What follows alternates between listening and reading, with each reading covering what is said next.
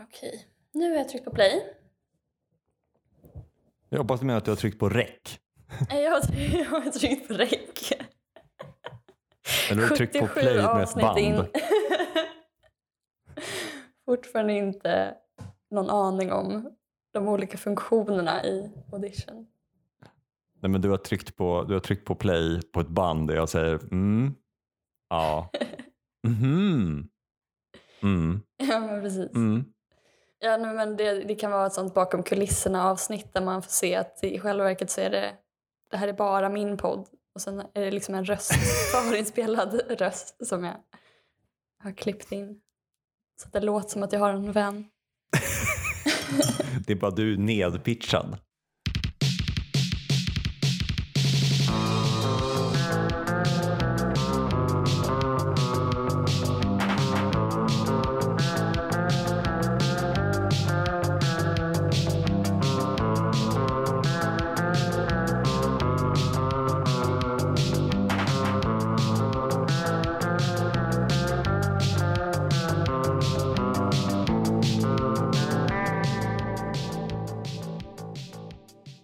Välkommen tillbaka Ellen Theander. Tack Kim Johansson. Nej, Ki- Kim Eklöf, herregud. Har du varit borta så länge? Ja, ja det har jag verkligen. Jag har haft, eh, alltså det är helt sjukt. Jag har, kommer ha haft nio tentor när jag är klar med min tentaperiod. Gud, Jag kan lugna eh, IMF med det. Det var, det var liksom inte att italienarna var lata som ledde till eurokrisen. ja, men varmt välkommen tillbaka ena Ellen. Ja, Har jag, har jag degraderats så snabbt till ena Ellen nu? Den här, den här poddens ena Ellen. Ja, men det har varit en fight nu om vem som är Ellen. För att din mamma kallade ju eh, andra Ellen, alltså Ellen som var med förra veckan för andra Ellen. Ja, Eh, Det hade varit kul dig- annars om hon hade direkt övergått till att jag är den andra Ellen för henne. i, i ert liv, er I relation som mor och dotter. Mm. Men vad kul, hon var jätterolig. Tack Ellen för att du Ja, vickade. nej, men det var kul. Det var, hon gjorde poddebut. Um, hon är också en väldigt driftig person. Så jag fick reda sen på, på kvällen efter inspelningen att hon hade spelat in ett avsnitt av sin egna podd, Vasapodden, eh, som hon kom på direkt efter vi hade spelat in och nu har Oj, komponerat en ny introlåt. men Så att gud, eh, en ny podd har fötts. otroligt. Vilka mini-influencers vi är. Du menar kompisar? Ja, exakt. Man- det, är faktiskt, gör- det, är, det är det kompisar är. Väldigt små influencers. Men är inte det, alltså så här, är inte det den mekanismen bakom eh, influencers? Att man utnyttjar, man kapitaliserar på känslan att jag har hört dig så mycket så det känns som att jag känner dig. Gud vad sant. Och att man bara ser någon så många gånger att man, man tänker att man vill ha samma tröja som den. Ja, men precis, man man, man vänts vid dem. Man vänjer sig. Ja. Det, det finns väl eh, någon eh, alltså sån här tidigt 2000-tals amerikansk film där en kille försöker ragga på det sättet genom att bara konstant befinna sig nästan i ett tjejs blickfång. Så att han så liksom... Det är min raggningsteknik ju. bara gå förbi någon många gånger.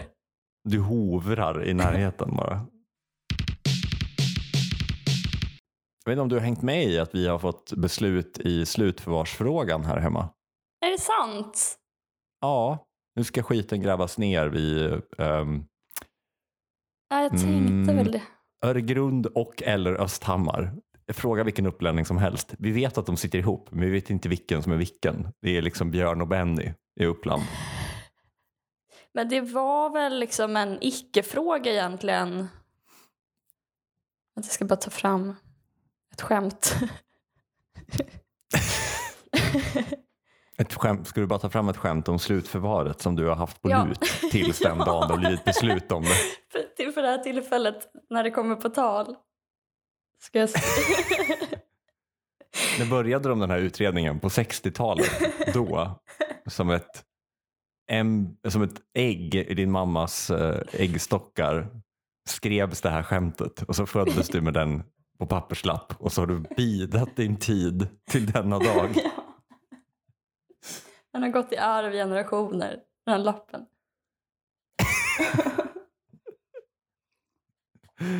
Det är uppkomsten till vår lista. Alla skämt som jag ärvt av min mormors mor. Från hennes bjudningar. Nej men det var bara sån kul påhittad konflikt tyckte jag. Där alla egentligen höll med varandra, utom Miljöpartiet då. Eh, och att det bara var en, ett jättekonstigt spel för gallerierna efter att Miljöpartiet hoppade av regeringen. Och att det då var bara att så här, Ebba Busch och eh, Annika Strandhäll och typ Sabuni, alla var såna, liksom tre stycken såna inte som alla andra tjejer tjejer som försökte bräcka varandra i att bry sig minst om eh, försprödning av gjutjärnet i kopparkapslar. För det är det som har varit den, det som de har utrett tror jag. Ja, Miljöpartiet tycker att det, vi vet inte säkert liksom, hur snabbt den här processen går. mm. Nej, men jag, har, jag har faktiskt two, two cents i eh, kärnkraftsfrågan om du är Det är intresserad. sant. Det är klart det Mhm. är. Du behöver aldrig oroa dig för att jag inte skulle vara intresserad av försprödning av gjutjärn. Nej, men jag vet liksom inte vart jag står i den här frågan. Alltså inte som att jag inte vet vad jag tycker, utan så här, jag vet inte vad det gör med mig, alltså vad det utstrålar.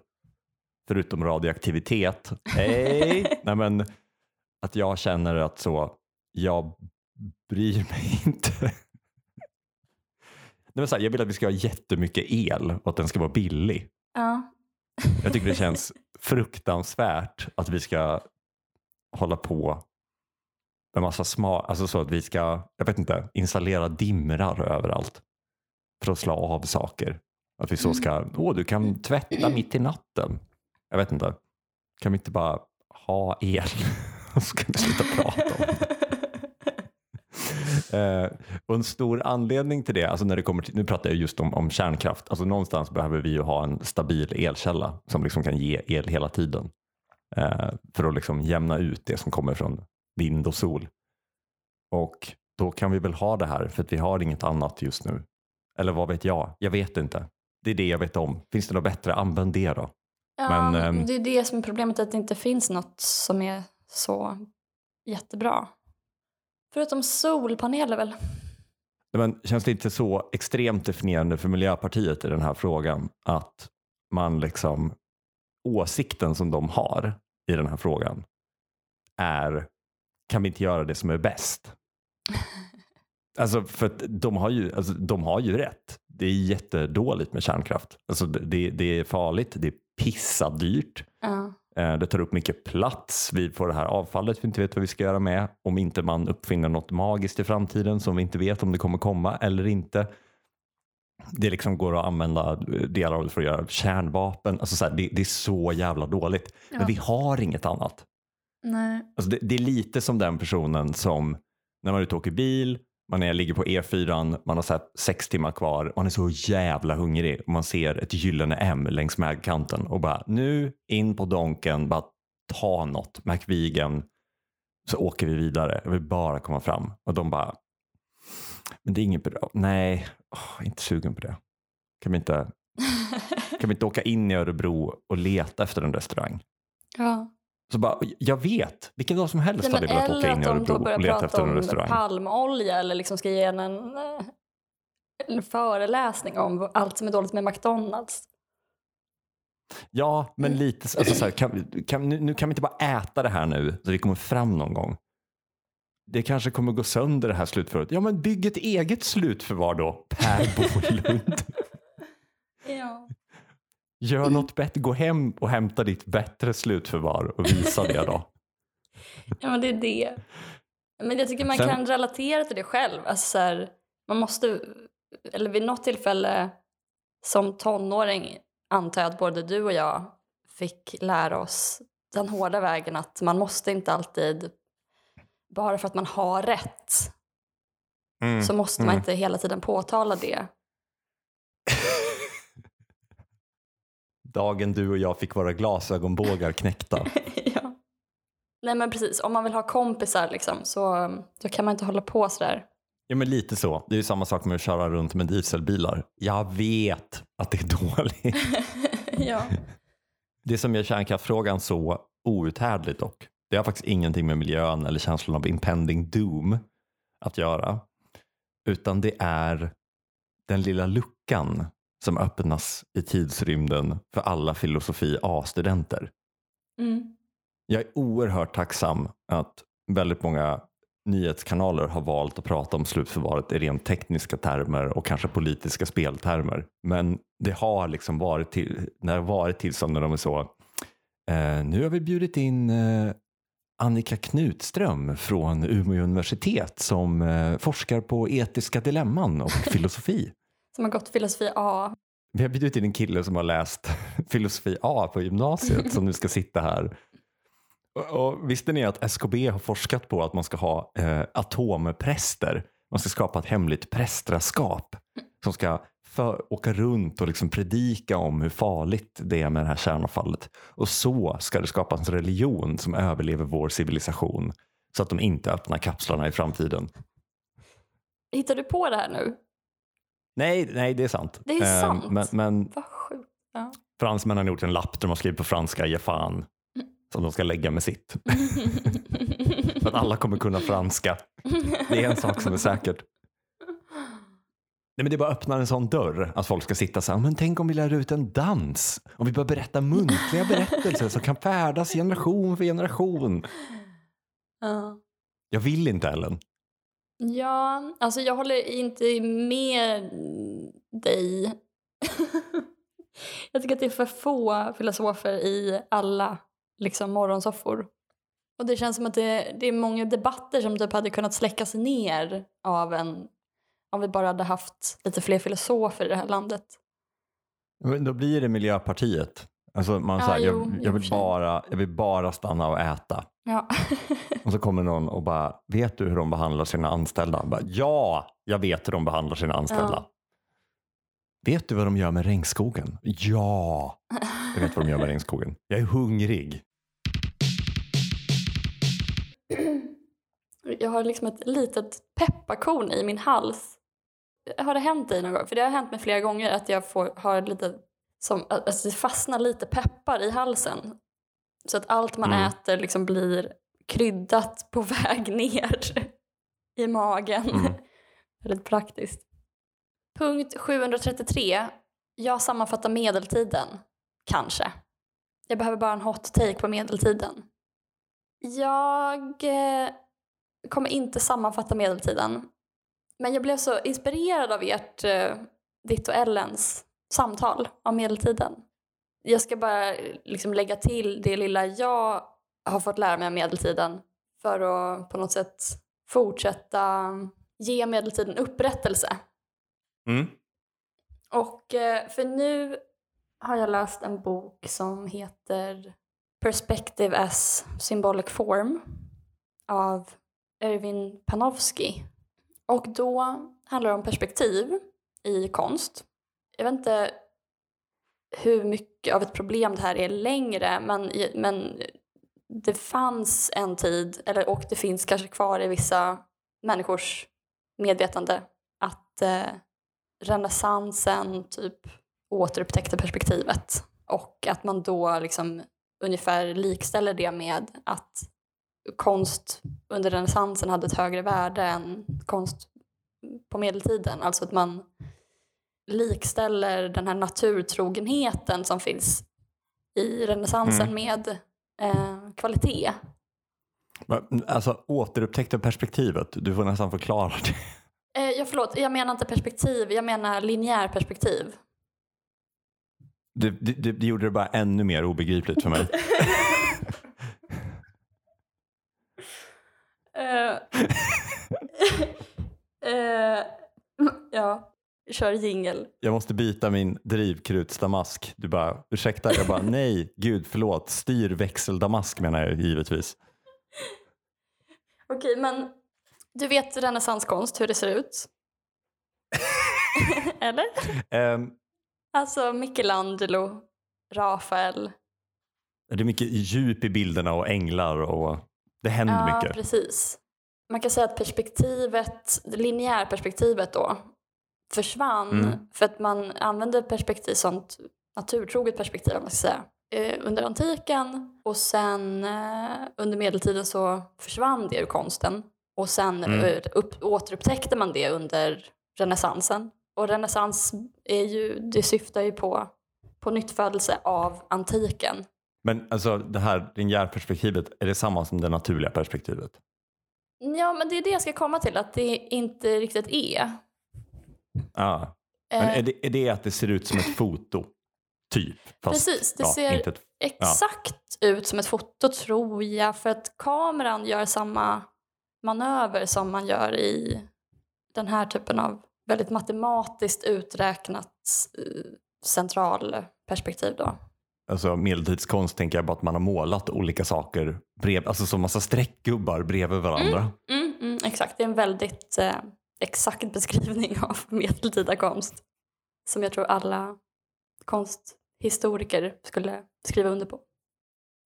För det första då, den uppenbara poängen är att bara för att någonting är naturalistiskt så behöver det inte vara bättre än någonting som är impressionistiskt till exempel som den medeltida konsten är då snarare. Eller Mm. abstrakt. Och sen Mm. så skriver Panofsky då att det här linjärperspektivet eller centralperspektivet är också en abstraktion för att dels bygger det på, för det är då som en pyramid som utgår från en punkt men då är det det man simulerar är att man har ett öga som är helt stillastående. Och sen så skriver han att eh, om man nu vill härma det naturliga mänskliga perspektivet Mm. så är det inte så som det ser ut i renässanskonst som vi uppfattar världen. Utan vi har ett perspektiv som mer liknar det antika perspektivet. Jag kommer inte kunna förklara det här så bra för det är liksom optik. Men i, för en människa så ser raka linjer ut att vara krökta och krökta linjer ser ut att vara raka.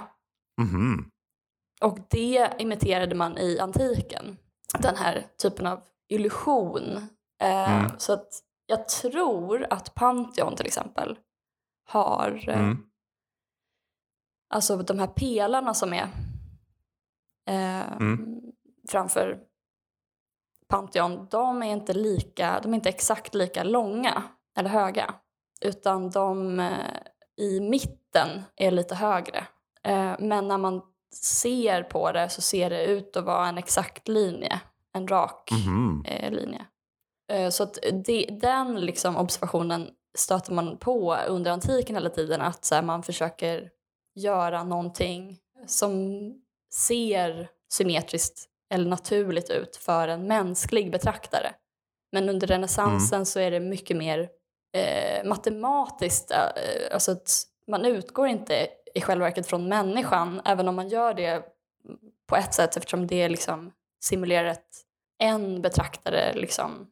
Men det är mycket mer så här, eh, matematiskt korrekta linjer. Men och under medeltiden så var man ju, då hade man ju liksom inte ett perspektiv utan som du säger, antingen många perspektiv eller inget typ perspektiv. Alltså perspektivet är liksom gudomligt på något sätt. Mm. Helt frikopplat den mänskliga betraktaren. Men sen under renässansen så blir, får ju människan plötsligt hög status igen. Mm. Som liksom ett mått. Det är liksom humani- Kul för oss. humanismens eh, stora Heja framväxt. heja. Ja. och i, under medeltiden så är ju också det här, man är neoplatonsk. Alltså Platon menar ju att konst är dåligt för att det är en abstraktion av en abstraktion. För att det vi uppfattar i världen är redan bara sken av en idé. Mm. Eh, Det är liksom en skuggvärld. Och när du avbildar skuggvärlden så har du liksom fjärmat dig ännu mer från den sanna idén. Mhm. Och den idén kommer in liksom i kristendomen också då genom Plotinus, så nyplatonismen. eh, som också couldn't care less typ om vår mänskliga uppfattning om världen. För det är liksom Men inte... Som är emot konst. Nej, ja, nej men alltså mer att så här, det, det är ingen det är inte så intressant att avbilda naturen eller hur saker ser ut för oss eller den naturliga liksom, hur saker framstår utan det, det finns en gudomlig objektiv verklighet och det är den som är väsentlig. Mm. Eh, och ikoner och sådär är, de är också bara till för att använda i sin meditation. Mm. Dessutom så är det inte bra om det är för naturtroget för att det blir som en avgudabild då. Eh, men en ikon ska ju vara som ett hjälpmedel för meditationen Lite över den pepp. sanna idén, den gudomliga idén. Så, så det, det, det var töntigt helt enkelt att försöka göra, vad ska man säga, verklighetstroga grejer. För verkligheten fanns ju inte. Det var ju bara att falla för frestelsen att tro att det fanns en verklighet. Det var mycket ballare att söka den objektiva sanningen. Ja, men det, alltså man tyckte väl att det var lite förmätet kanske att eh, hålla på med liksom, verkligheten som jag ser den. Alltså vem tror du att du är? Mm. Tror du att du är Gud eller? Men så Panofsky menar liksom att perspektivet är inte en factor of value. Alltså det, är, det är ingen faktor för att bestämma värde, men det är en factor of style. Det är en stil helt enkelt. Mm. Eh, och dessutom så menar han att det är en eh, då symbolisk form för att det säger någonting om tidens värderingar och samhället, eh, kontexten. Att man använder Mm. perspektiv på det ena eller andra sättet. Det linjära perspektivet säger någonting om renässansen i allmänhet. Att man då upphöjer den, ja man kombinerar på något sätt naturvetenskapliga lagar som är objektiva med ett mänskligt perspektiv. Mm. Men, och jag tänkte bara som bevis för att eh, det inte säger någonting om värdet på konsten, Mm. att det inte har ett linjär perspektiv. Jag vet inte om någon behöver övertygas om det. Eh, för nu lever vi liksom i en tid där det är helt ute med naturalism. Liksom. Men eh, Vad är inne nu?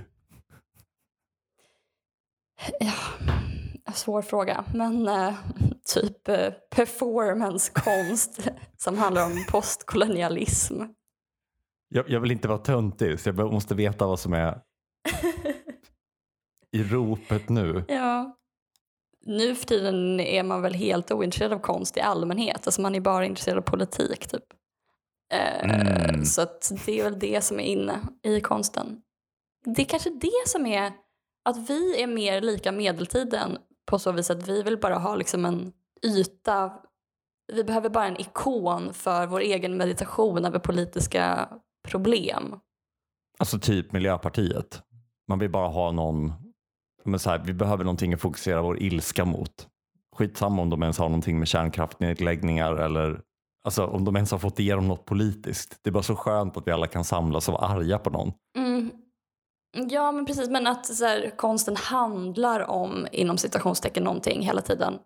Att så här, Lars Vilks rondellhund. Att så här, all, all konst handlar typ om kolonialism och rasism. Eller, Ja, Men känns det, alltså, Feminism. kä- Banksy känns väl väldigt vår tid. ja men verkligen. verkligen. Att det är så, någon ritar en, jag, jag vet inte, någon ritar av den här bakgrunden i Kalankas julafton som är bakom husvagnen som är en massa skitiga fabriker. Och så står det en liten fick, flicka där i, i röd klänning och gråter. Mm. Och alla bara, åh, det här är dåligt. Mm. Någon som sett säger som det är. Verkligen. Ja, men jag vill bara, jag, jag vill bara ge folk ett, eh, några googlingstips då på hur jävla bra medeltida konst det finns. Mm. Då har vi eh, San Vitale till exempel i Ravenna, en eh, kyrka. Wow. Ja, här finns det då inte något perspektiv, det berättar jag. Nej, Det här är allt ur alla vinklar hela tiden. Men ändå jättefint. Eh, Simone Martini. Majsta. Mm. Nej, men sen har vi också Botticelli. Han använder inte heller linjärperspektiv. Och eh, det är ju typ den bästa konsten vi har. Venus födelse och våren. Eller jag har inte hört någon klaga på på Venus födelse. Det var allt för mig. Tack. Det är rasande försvar för den medeltida konsten. Mm. Ingen halmgubbe är för, för liten för att du ska slå ihjäl den. Vik hädan i medeltida konstens belackare. ja. Punkt 412. Gud, Radio 1. Minns någon det? Mm. Ja du Ellen, minns du Radio 1? Nej. Nej, är det var ju det? då Sveriges nya pratradio. Mhm. När då? Det fanns en kort period mellan 2011 till 2013. Och skulle Mm. då liksom vara, eh, vad ska man säga, P1 för högern. Mhm. Det var något så otroligt svenskt som liksom ett bolag som egentligen inte behövs men som startas för att det måste finnas ett privat, lite sämre alternativ. Lite att jämföra med den gamla striden mellan Coop och ICA. Så att man kan välja P1. E- Exakt, så att man ändå känner att jag är, inte, jag är åtminstone inte förtryckt. Nej. Det lades ner vid årsskiftet 2013-2014 så att första januari 2014 så blev det liksom tyst i, på den FM-frekvensen som man hade. Och eh, det var en, en kort men intensiv period och det var ju ganska väl omdiskuterat på Twitter eh, med Radio 1. Det var ju, vi var ju många som var taggade på det eftersom Twitter då och nu befolkades av eh, endast pratradiolyssnare. Och vi kände att det var skönt med lite variation så att man kan byta när det är radiosporten eller motsvarande. Mm. Det var ingen som övervägde P2. Mm, man vet ju liksom aldrig riktigt om man får in P2 eller om man bara fått in någon sån här lokalradiostation som har sändningsuppehåll. Ehm, men jag skulle bara vilja liksom passa på och säga att jag drar egentligen två spaningar om Radio 1. Ehm, det första är väl då hur den är ett sånt otroligt uttryck för vilken tid vi levde i då. Alltså det, det jag passade på att göra lite research om Radio 1 och liksom friska upp minnet.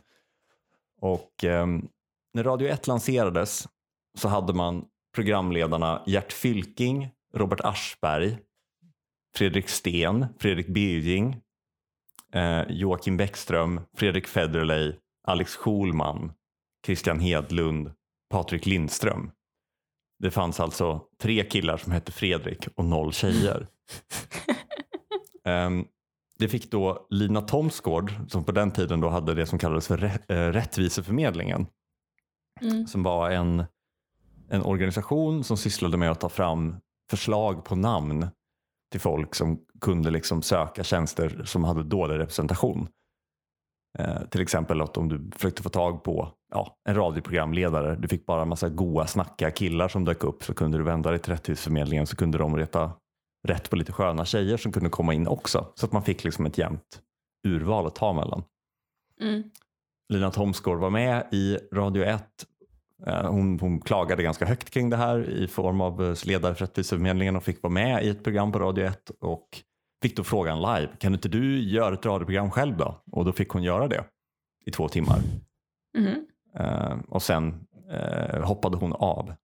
Och det, alltså så här, den diskussionen, att diskutera brister i liksom könsuppsättning på ett sånt sätt i liksom, det här är bara gubbar, varför är det bara gubbar, ta in en tjej.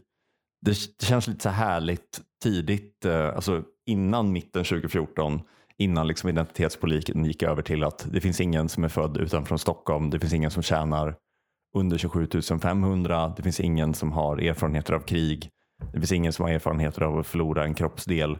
Att den, det, det, var liksom en, en, det var en enklare tid när det bara var gubbvälde och det var det man slogs mot. Mm. Sen var det också i slutet av den här debattartikeln som, radio, eh, som Lina Thomsgård har skrivit i Dagens Media om sin korta, korta vick på Radio 1 så har hon också klistrat in Rättviseförmedlingens långa listor. Jag vet inte om du kommer ihåg dem Ellen? De dök ju upp till höger och vänster och det fanns ju liksom 200 målare i Göteborg som inte heter Göran. Mm. Det, var, det är en rolig tid också för att det är liksom... Problemet var inte att så här, det ska finnas privat public service på något sätt som också är mer eh, höger då. Alltså det var inte det Alltså- som var Lina Thomsgårds prob- problem att så här, det här är någon slags eh, eh, nyfascistisk radio utan det är liksom Nej, men jag för inte att de få hade- kvinnliga nyfascister. Ja, men det är ju 2014 i ett nötskal. Sen tror jag inte att de hade uttryckligen i sitt eh, programmanifest att de skulle vara nyfascistisk höger. Men, eh, utan, att de, utan det var ju mer, alltså det var ju mer en sån Ulf Kristersson borgerlighet. Att det liksom, Mm. Ja, men Robert Aschberg, det, det, han skulle mycket väl kunna vara sosse men liksom ha höga värderingar för att han Mm. bara tycker att man ska vara rätt och riktig. Man ska vara Mm. ordentlig, man ska inte hålla på, alltså så, den typen av höger. Ja, Ehm, rör inte min stora bilhöger. ja. Men då måste vi ha en rör inte min stora bil höger tjej. Men det kändes ju uppfriskande nu med till exempel Bulletin var det va? Att uh, Hanif Bali och Jan Emanuel, heter han så? Han skäggiga Mm. sosse-miljonären. Att, han, eh, att de hade ett program där de skulle snacka snabba bilar på Bulletin. Och att diskussionerna då var istället så här, fan vad dålig högern är. Istället för liksom, varför är det bara killar som ska prata snabba bilar i Bulletin? Mm. Det är i alla fall i den här debattartikeln i Dagens Media som Lina Thomsgård har skrivit när hon motiverar sitt, eh, både sitt inhopp och sitt avhopp från Radio 1 så har hon klistrat in en sån här rättviseförmedlingen-lista. Och ehm, var det någon som läste dem? Mm, jag vet inte. För jag har nämligen gjort det nu Okej. och konstaterat att det är ingen höra. annan som kan ha gjort det. För att det, det är copy-pastat från Facebook-kommentarer så det är samma namn flera gånger. Lina Thomsgård har inte ens läst själv. Nej, det är också uteslutande människor som har andra jobb som de redan gör. ja. Lina Thomsgård är också med på den listan. Fast hon i samma debattartikel säger att hon inte vill. Louise Epstein, känd från Nordegren och Epstein, är också med. Här är en tjej som pratar i radio. Jo, jo, men hon pratar ju redan i radio. Hon kan prata i den här radion. Det är fler killar här så hon kan prata här istället. Ehm, Jätterolig alternativ arbetsförmedling som bara underlättar för folk att skaffa ett till jobb. om vi går tillbaka till Radio 1 fallerade ju tyvärr. Och eh, jag har eh, spekulationer kring varför. Men vi sitter också på, på facit. Mm. Jag, jag vet inte riktigt hur du hur vi vill att jag ska göra det här. Om jag ska lägga fram mina spekulationer först. Det blir väl Ehm. konstigt om du presenterar svaret först och sen kommer med en alternativ. För, Förklaring. eh, Vi gör så då. Vi tar min, vi tar mina alternativa fakta först. Eh, ja. Nej, men eh, i alla fall, eh, de fick ju då ordning på det här eh, kvinnounderskottet genom att ganska snabbt ta in Cissi Wallin. Eh, det, det är lite kul för att alltså, eh, Lina Thomsgårds artikel heter Jag ville visa att det inte krävs kuk för att göra radio. Och eh, sen så har eh, Dagens Media också släppt en artikel om när Cissi Wallin går med i Radio 1. Och då har eh, de också gett den texten Jag ville visa att det inte krävs kuk för att göra radio. Men de har liksom bara klistrat in den meningen helt fristående. Jag vet inte om det har något fel i formateringen eller någonting. Men jag hoppas att din teori nu är att det krävdes kuk för att göra radio. De använde kuken för att klippa. var då, du, du kunde inte Rigga. höja Tjejerna hördes inte för de kunde inte höja volymen för att man använde kuken till det. Att det var en sån, ett sånt mixerbord i skrevhöjd. Gert Fylking tryckte upp regeln. Inte. Eh, I alla fall, jag ska läsa lite eh, om vad de olika programmen hette då. Eh, Gert Fylking med programmet Gerts värld. Cecilia Wallin med programmet Cissi Wallin. Robert Aschberg med programmet Aschberg. Eh, Fredrik Sten med programmet Fredrik Sten. Och eh, Fredrik Federley med Federley i mitten. Ja. jag, jag skulle bara vilja då framföra min tes att Radio 1 föll på att de glömde bort det som vi många uppskattar med liksom prat och nyhetsradio. Att de har ett innehåll. Ja. Det är ju liksom det jag gillar med till exempel Ekot. Att de har journalister över hela världen och runt om i Sverige som kanske, jag vet inte, åker och pratar med en bonde i, Ja. i Veberöd och sen kanske gör någon analys om hur han eller hon står för samma utmaningar som någon i Sydamerika.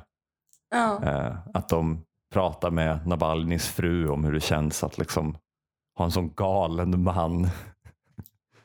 Så, så är de snälla nog och skriver det i ett manus som kanske läs upps av Folke Vaccin. Ja. Och då tänker jag att de som har startat Radio 1 har liksom lyssnat på P1 och tänkt hmm, vad är det som är bra med det här? Det måste ju vara alla radiopratare. Det är ju de man hör. Då ska vi ha radiopratare så de kan prata. Verkligen. Är det inte det här eh, misstaget Bulletin har begått också? Alltså att de copy-pastar nyheter från TT typ. Men de har jättemånga profiler. Är inte det liksom det ständiga misstaget att högerpersoner gör? Att de är så otroligt personfokuserade. Mm. Så att de kanske hör Folke Vaccin läsa upp eh, liksom dagens hårda ihopsamlade slit av alla Ekots hundratals associates. Mm. Och så tänker de, Folke Vaccin va? Vilken kille. Kan inte han komma och läsa så där hos oss också? Jag tycker de, alltså tyvärr så har väl public service lite, eller P1 gått på det själva också. Alltså Mm. det är liksom lika lång uppläsning av alla som har varit med och producerat Mm. liksom ekot som själva ekot. alltså att, producent, klippning, så har vi vår praktikant och sen har vi nattchefen.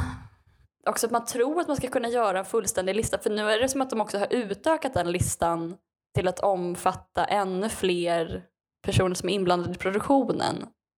Mm. Men det är ju inte det, alltså det är inte en uttömmande innehållsförteckning eller vad man ska säga. Mm.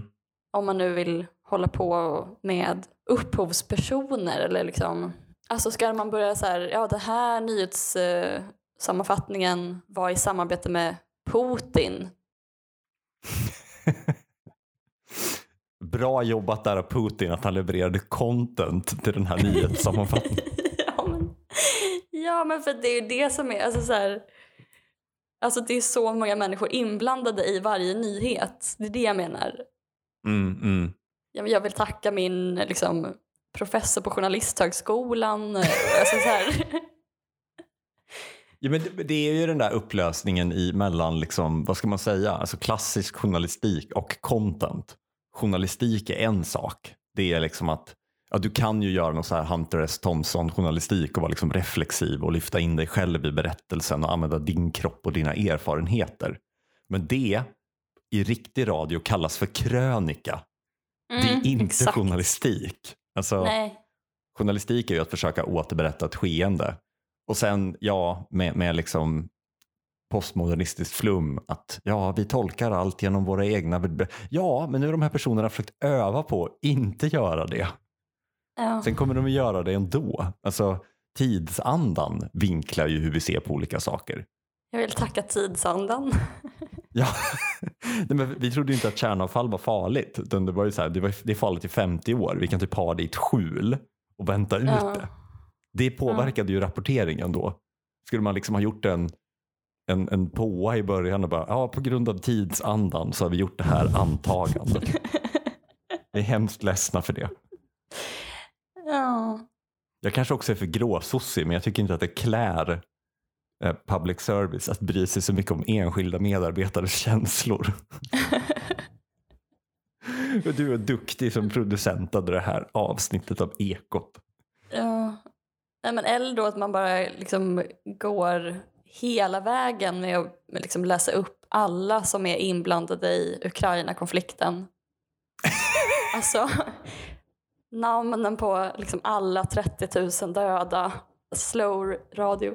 Ja, Men gud, säg inte det högt för det kommer, det kommer ju bli, det känns ju så jävla modern konst att någon gör så en podd som är 30 timmar lång där de bara läser upp alla vårdanställda eh, som har jobbat under coronapandemin. Mm. Sitter någon i en studio på Söder och liksom kommer samtidigt som de sitter där och läser upp olika 50-åriga kvinnor i Gnosjö som har jobbat inom äldrevården. Bara, Mm. Åh, det här är så viktigt. Nej, men jag tycker inte ens att liksom, man ska veta att det är folk i vaccin som pratar. Ja, I och för sig, det, det, har, det, har, det har varit kul att det har varit folkevaccin under coronapandemin. Jag är så platt. Ja, ja, ja, absolut. Och, Men och om, det, man, det, om man bipar Putin där, man tar bort liksom Putin, man går hela vägen åt det hållet istället. Så att man bara, man är så mycket marxist att man bara bryr sig om så här, de ekonomiska, historiska liksom, faktorerna. Så att man är liksom helt tar bort individen ur alla nyheter. Ja, förlåt, fortsätt om du har något mer ja, nej, jag, jag ville bara eh, skjuta in också på tal om folkevaccin att ehm, han, eh, det här var då under svininfluensavaccineringen. Um, så hade han nyhets, um, var han ju i, han har ju alltid jobbat på Ekot. Det här var ju 2009. Då fick han ett tackbrev som publicerats på Sveriges Radios hemsida från en man som hette Folke som hade bokat en vaccintid men glömt bort den. Och då hörde på Ekot eh, när det var slut att liksom Ekot, Folke, vaccin och då kom han på sin vaccintid. Så vi kan göra ett undantag. Inga människor förutom Folke vaccin. ja.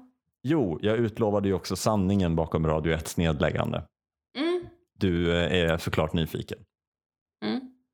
Jo, på SVT Debatt 25 oktober 2013 um, ehm, så skriver männen bakom Mattias Hermansson och Christer Modig från MTG Radio om uh, varför uh, de lägger ner Radio 1. Och um, de har gjort stora investeringar i Radio 1, uh, eh, fått må- många priser på, på liksom Stora radiopriset från, alltså både för årets radiostation två år i rad och även, jag tror Aschberg fick för, för bästa radioprogram. Mm. Men det har då lagts ner för att de ehm, för att eh, kanalen bröt mot MTG Radios eh, mest grundläggande princip. Mhm. Kan Oberoende, du gissa eller? vilken kan, kan, du, kan du gissa liksom vilken princip? Mm, vinst? Ja, att inte gå med förlust. Jag tycker ändå det. Alltså jag tycker ändå att det är fint att man, alltså att det finns människor i detta hårda värld som vi har idag som bara sätter sig ner och bestämmer sig och så, så följer man de principerna. Och även liksom om folk hejar på och bara, ja men kom igen, kan ni inte köra liksom ett år till? Och de bara, nej, det är mot vår grundläggande princip. Jag tycker det är starkt, jag vill bara säga det. mm. Han heter inte Christer Modig för inte liksom. Det är också kul att man liksom återuppfinner public service eller samtidigt som man återuppfinner public service så återupptäcker man orsaken till att det måste vara kollektivt finansierat. Man bara vänta nu. Det här är inte kommersiellt gångbart. Det här är ju av allmänintresse.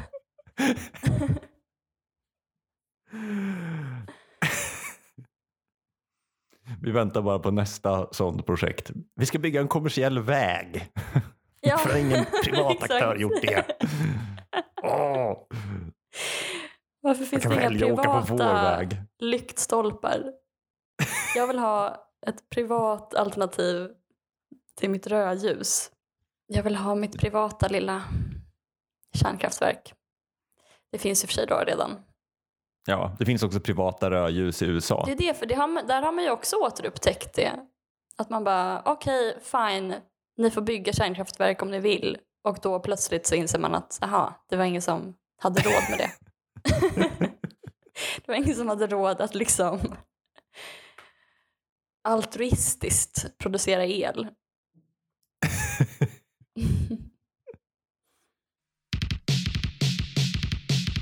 Tack för den här veckan Kim Eklöf. Tack för den här veckan Ellen Theander. Vi kommer ut på tisdagar klockan sex på morgonen. Lagom till morgonlöprundan. Producent är BIP. Producent Tidsandan. Ansvarig utgivare Tidsandan. Puss och kram, hejdå!